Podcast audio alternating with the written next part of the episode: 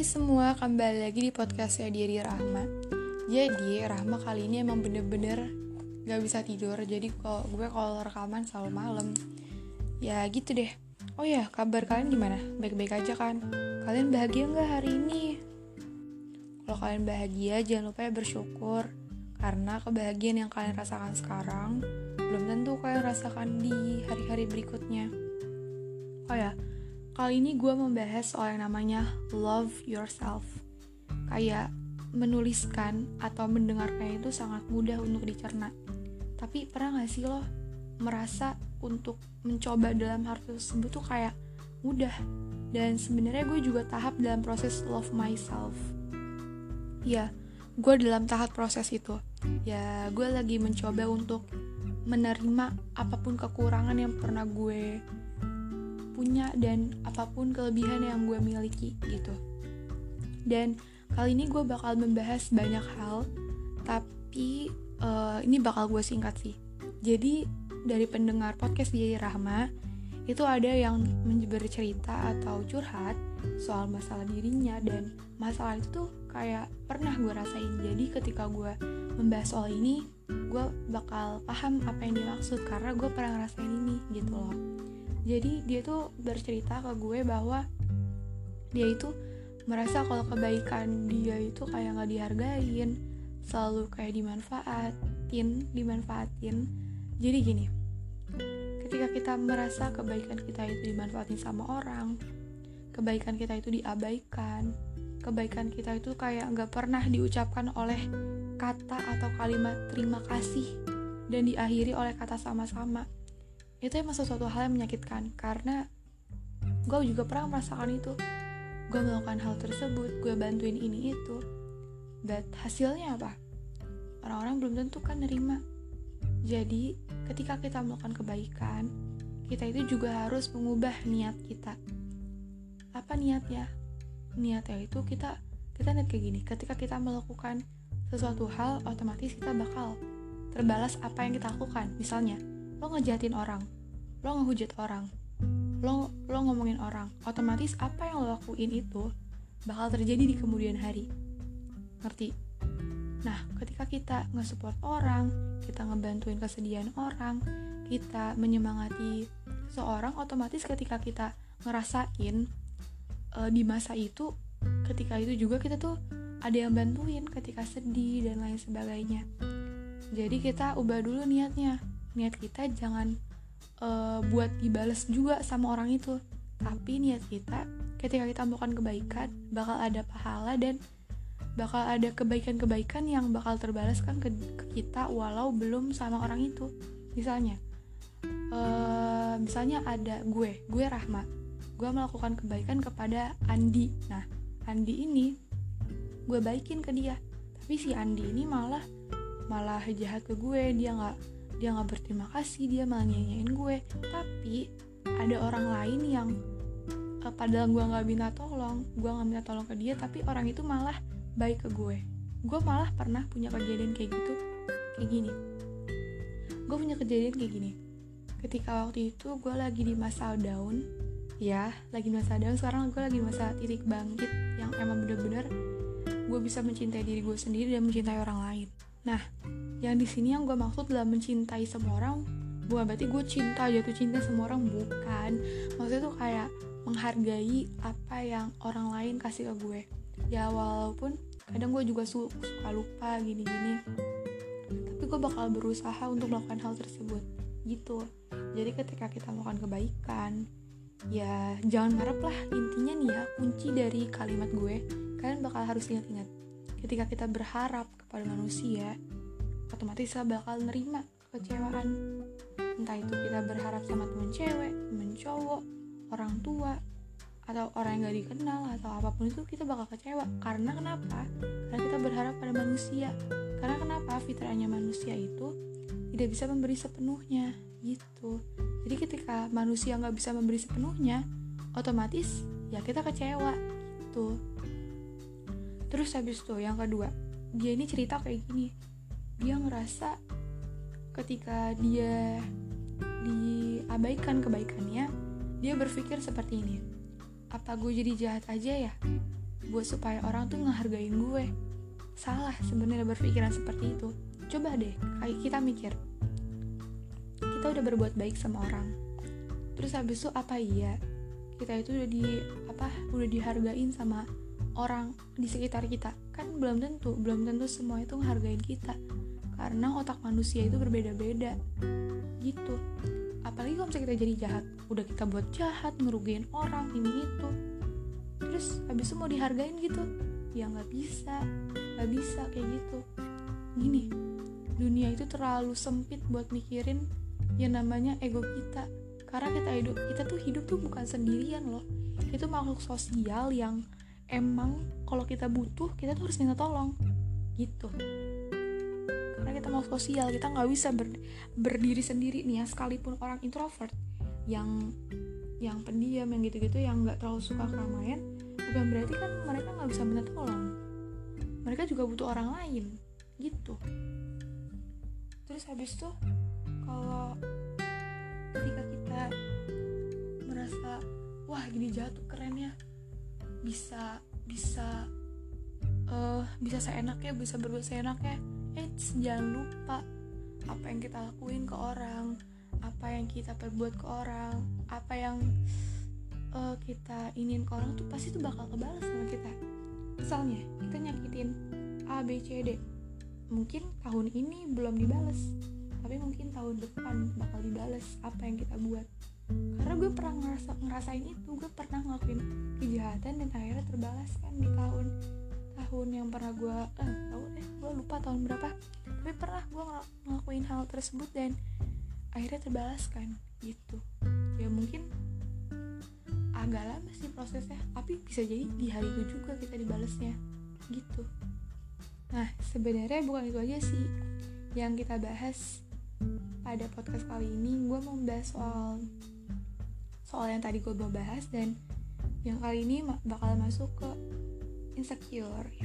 Insecure itu yang gue tahu ya. Gue nggak menjelaskan secara detail secara jelas. Ini kayak apa ya opini gue tentang insecure. Jadi insecure itu di mana kita tuh ngerasa kurang atas apa yang kita punya dalam diri sendiri gitu. Kayak gini dia itu ngerasa dia itu pas cerita ke gue dia tuh ngerasa dia dibedain jadi dia tuh ngerasa diri itu jelek dan dia tuh yang ngerasa dibedain sama orang yang cakep. Dan sebenarnya emang pernah sih gue digituin. Jadi gini gue kan emang gak terlalu ini banget ya.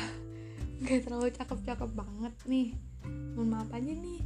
Tapi tuh orang-orang ngelihat gue tuh bukan dari sisi itunya bukan dari fisik kebanyakan. Mereka mandang gue tuh ketika ketika gue nih ya ketika misalnya gue masuk ke lingkaran banyak orang. Orang-orang itu mandang bukan kebanyakan dari fisik gue. Kebanyakan mereka langsung dari sifat gue. Misalnya kalau orang-orang lihatnya gue tuh heboh nyebelin petakilan bla bla bla. Ya udah emang berarti emang fitrah gue dalam bergaul seperti itu. Begitu deh. Jadi kalau ngerasa dibedain ya iyalah beda. Karena kita tuh ketika kita ngerasa dibedain otomatis misalnya kita jelek otomatis kita punya kelebihan yang lain. Nah kita jangan terfokus kepada kekurangan kita tapi kita terfokuskan oleh kelebihan kita. Tapi jangan lupa kita tuh juga punya kekurangan gitu. Jadi kita tuh boleh fokus kelebihan tapi jangan lupa kita tuh juga punya kekurangan. Jadi kalau misalnya kita kita kita aduh gue ngomong apa ini? Ketika kita udah merasa di tinggi di posisi yang sombong lah udah mulai ngerasa bisa apa apa tapi kita kita tuh harus merendah dikit ya kalau kita tuh punya kekurangan yang sebenarnya cukup banyak gitu karena manusia kan gak sempurna. Gitu jadi jangan berharap buat jadi sempurna. Misalnya kalian ngerasa cantik kalian ngerasa pintar kalian ngerasa ganteng tapi kan masih ada yang lebih dari kalian. Gitu kuncinya. Kalau kalian ganteng cantik ya syukurin aja. Kalau kalian jelek ya kalian terima aja. Gitu sama kayak gue jelek oh my god terus habis itu gue juga pernah ngerasa gue pernah di body shaming. Jadi waktu itu kan awal kelas 6 5 itu gue gak terlalu jerawatan banget ya karena emang karena emang gue tuh gak terlalu sering main di lapangan kayak sekarang sekarang ini. Kayak kelas 5 gue tuh kayak gue tuh nggak terlalu sering lah suka buat main di lapangan gitu. Tapi ketika gue masuk SMP uh banyak tuh yang ngajak main akhirnya puff kena matahari gue hitam. Gue kalau gue kalau kena matahari gue langsung beruntusan karena kulit gue sensitif dikit sih. Gak selalu sensitif banget. Dan akhirnya akhirnya gue ketemu deh satu sama satu orang. Ih Rahma kok jerawatan? Perasaan dulu nggak like what? Lo juga jerawatan. Kenapa lo ngomong itu ke gue? Gitu. Jadi jangan melontarkan komentar ke seseorang ketika kita tuh masih punya apa ya punya kekurangan komentar dalam artian uh, menghakimi orang tersebut. Kayak iya lo gendutan ya? Padahal kita juga sendiri gendutan. Iya lo ke lo krempeng banget sih jadi orang lo kurang makan atau gimana gimana ya? Lo hitam banget sih jadi orang. Padahal kita juga kayak gitu. Lo lo lo lo kok kayak gini bla bla bla bla bla bla. Kayak nggak make sense buat diterima iya emang mudah buat mengeluarkan komentar. Gue bisa aja ngatain orang? Tapi kan belum tentu orang yang dikatain itu nerima. Gitu. Nah beda ya. Gue ketika dikatain jelek itu nggak apa-apa. Tapi ketika mereka fokus terhadap kekurangan gue bisa kayak ima lu jerawatan banget sih mak misalnya kayak terlalu fokus kayak gitu. Ya emang kenapa kalau misalnya gue jerawatan bla bla bla? Ya ini kan kulit kulit gue gitu. Maksudnya kayak emang gue kekurangan tapi gini loh mana ada sih orang bodoh yang mau dikatain bodoh? Ngerti kan? Sampai sini ngerti. Kayak gini deh mana ada sih orang gendut yang mau dikatain gendut? Mana ada sih orang hitam mau dikatain hitam? Nggak ada. Karena kenapa? Karena mereka tuh juga punya kekur kekurangan dan kelebihan. Kalian juga yang ngatain juga harus tahu diri gitu. Kalau gue dikatain jelek itu nggak apa-apa. Tapi ketika uh, fokus terhadap kekurangan gue kayak itu gendutan ya bla bla bla gue langsung kayak gini emangnya kelebihan apa sih? Nyampe nyampe lo berani ngomong kayak gitu? Dalam hati tuh gue ngomong kayak gitu. Bisa aja gue ngomong kayak gitu terus tuh orang yang ngomong ke gue itu kicep kayak gitu. Diem aja. Ya gitu deh namanya manusia. Lupa lupa diri gitu. Tau lupa ya gitu lah pokoknya gue bingung mau ngomong apa karena emang gue pernah ngerasain kayak gitu. Gue kelas 5 gue juga hitam. Karena gue sering main sepeda sama teman-teman gue uh seru banget gitu main sepeda akhirnya gue dikatain sama temen cowok gue waktu SD Ima lu gosong banget sih kayak arang bla bla bla dikatain gue akhirnya gue mulailah merawat diri. Merawat diri dalam artian kayak pakai hand body yang gitu-gitu yang emang cewek gitu. Gitu deh. Terus habis itu um, sebenarnya gue juga lagi masa tahap untuk tidak insecure sih. Karena sebenarnya tuh dalam kalimat love yourself itu ditulis, diucapkan, didengar itu gampang. Tapi untuk dilakuin itu sangat sulit gitu. Gue bisa aja gitu pede-pede gitu. Coba deh kalau misalnya gue disentil sama kalimat kalimat-kalimat mereka pasti kayak gue langsung ah emang iya ya? Gue kayak gitu ya? Gitu. Oh ya sama satu lagi orang yang cerita ke gue yang cerita ke gue soal dirinya dia juga bukan selain ngerasa insecure tapi dia juga ngerasa dia belum tahu potensi apa yang dia milikin. Jadi gini gue juga pernah ngerasain kayak gitu. Jadi waktu SD gue ngerasa temen-temen SD gue kok pada pinter-pinter ya. Al-Qurannya justru udah pada jus 29 jus 27, 26 sedangkan gue masih jus-jus yang masih di bawah gitu. Dan akhirnya gue ngerasa waduh ini kayaknya emang bukan bidang gue matematika gue juga nggak jago-jago banget. Kalaupun kalaupun ini ya sebenarnya gue paling bagus 70 80 kalaupun 80 itu juga kalau gurunya tuh ngejelasinnya bener gitu. Dan akhirnya kalau solusi gue ya ketika kita belum tahu atas kelebihan dan kekurangan kita gue kayak gini tipsnya. Jadi gue pernah um, nonton YouTube satu persen kalau nggak salah judul YouTube-nya jadi ketika kita menggapai sesuatu hal kita tuh harus tahu kelebihan dan kekurangan kita. Contoh waktu di SD itu gue nggak terlalu jago-jago banget yang namanya di bidang akademik maupun non akademik nah akhirnya waktu itu ada pelajaran olahraga yang emang emang pas di gue. Jadi ada basket.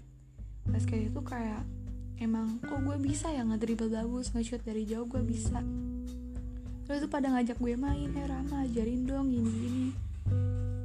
Nah akhirnya semenjak kelas 6 itu gue tuh kayak yang oh gue punya kelebihan dalam bidang olahraga. Lari gue emang gak terlalu cepet-cepet banget tapi uh, gue bisa lah dalam olahraga gitu. Jadi seenggaknya gue punya kelebihan dalam bidang olahraga. Akhirnya gue main skipping gue lari-lari. Tiap pagi nggak tiap pagi juga sih sebenarnya kalau gue mau aja akhirnya gue kayak gitu. Dan akhirnya lama kelamaan kelas 7 gue jadi kayak ikut basket. Ikut main basket di lapangan. Terus gue ajakin teman-teman gue dan akhirnya gue suka. Dan akhirnya gue ngeliat kakak gue kok jago banget ya main basket ya. Gitu dan akhirnya gue belajar lagi belajar lagi buat main basket supaya gue bisa. Gitu deh. Nah ininya akhirnya gue tahu tuh gue tulis di di apa namanya di buku gue buku catatan gue yang emang gak selalu pakai tapi gue bisa tulis lah di situ. Gue tulis kayak gini kelebihan Rahma kekurangan Rahma. Kekurangan gue gue nggak bisa matematika. Gue nggak bisa bahasa Arab. Matematika dalam artian gue nggak terlalu jago ya. Uh, iya gue nggak terlalu jago sama bidang matematika tapi gue bisa. Tapi nggak nilainya kayak yang nggak bagus banget. Cuman kayak ya udah 70 80 yang gitu-gitu aja. Tapi ya seenggaknya gue nggak jago tapi gue bisa lah gitu terus kalau bahasa Inggris gue juga lumayan walaupun sedikit-sedikit gue nggak terlalu ngerti tapi seenggaknya dalam berbicara gue lancar bahasa Inggris walaupun terbata-bata dikit. Nah ukuran gue gue tuh naiknya baperan. Gue nggak tahu kenapa dari kecil emang mungkin ya gue terlahir baperan. Tapi gue sangat bersyukur ketika gue baperan. Nah kenapa gue bersyukur? Karena ketika gue baperan gue bisa lebih menghargai perasaan orang lain. Ngerti nggak? Jadi kalau misalnya ada yang ada yang misalnya ada sesuatu hal yang gue lakuin ke orang tersebut. Gue langsung kayak minta maaf atau mungkin gue mikir ini orang kenapa aku jadi kayak gini? Gitu jadi kayak gue bisa memanfaatkan hal tersebut. Nah kelebihan gue gue bisa main basket tapi nggak jago. Maksudnya kayak ya udah biasa-biasa aja karena ada yang lebih jago dari gue gitu. Jadi gue nggak mau nggak mau yang terlalu bangga banget banget banget lah dalam basket kayak ya udah biasa aja kalau suka main basket ya seru aja gitu kayak lari-larian di lapangan itu sesuatu, sesuatu hal yang seru bagi gue. Terus habis itu kelebihan gue gue suka nulis ya gue suka nulis sampai jempol gue tuh gak sih mata ikan gitu gue juga bingung pakai apaan. Kalau saldo gue kasih gitu kan tapi nggak bisa nggak maksudnya nggak terlalu cepat sembuh. Dan akhirnya setelah dari gue suka menulis gue suka bercerita kepada semua orang. Sampai akhirnya ya udah ending endingnya gue ke podcast. Gue suka nulis puisi gue suka nulis cerita di Wattpad tapi gue uh, lagi off sih. Gue juga YouTube gue lagi off karena emang capek bikin videonya gue nggak bisa. Capek banget dan akhirnya gitu deh. Gue memanfaatkan kelebihan gue dan gue juga memanfaatkan kekurangan gue. Gue baperan. Tapi dalam artian bukan berarti gue nangis mulu apa apa nangis bukan. Maksudnya kayak lebih kayak mudah tersinggung gitu.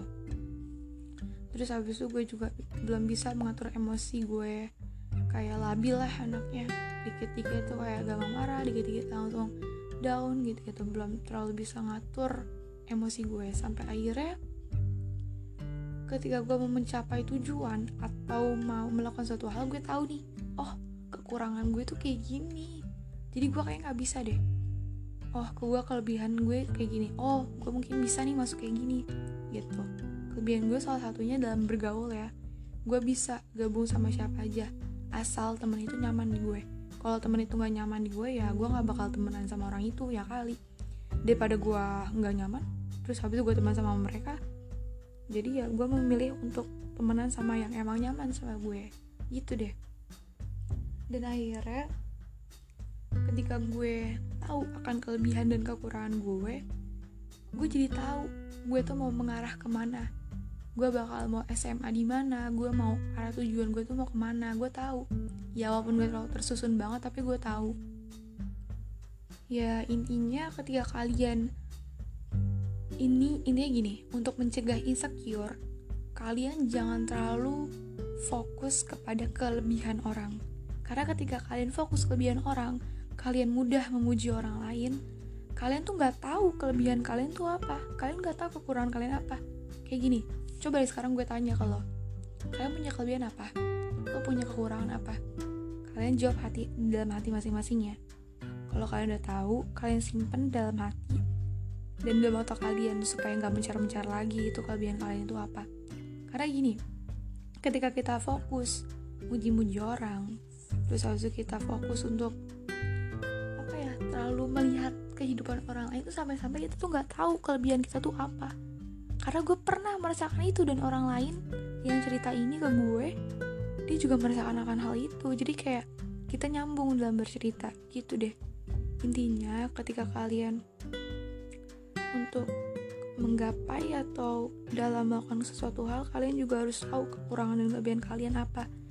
Jadi orang gak salah dalam menilai kalian gitu deh intinya semangat ya buat kalian jangan mudah insecure ya walaupun gue juga walaupun gue juga tapi gue berusaha untuk menerima kekurangan dan kelebihan gue gue di sini bukan merasa so bijak atau apa ini emang berdasarkan pengalaman kejadian dalam hidup gue jadi Makasih yang udah mau dengerin sampai habis. Makasih yang udah nge-share podcast Rahma di Instagram kalian. Rahma sayang sama kalian. Ha, canda-canda. Serius-serius, makasih banget. Gue minta maaf kalau gue ngomongnya rada belibet karena gue kalau ngomong itu kayak rada gini, kayak rada gak jelas.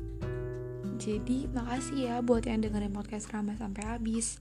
Sampai jumpa di podcast jadi Ramanya intinya. Semangat terus buat mencari atas kelebihan dan kekurangan kalian. Kalian harus terima itu.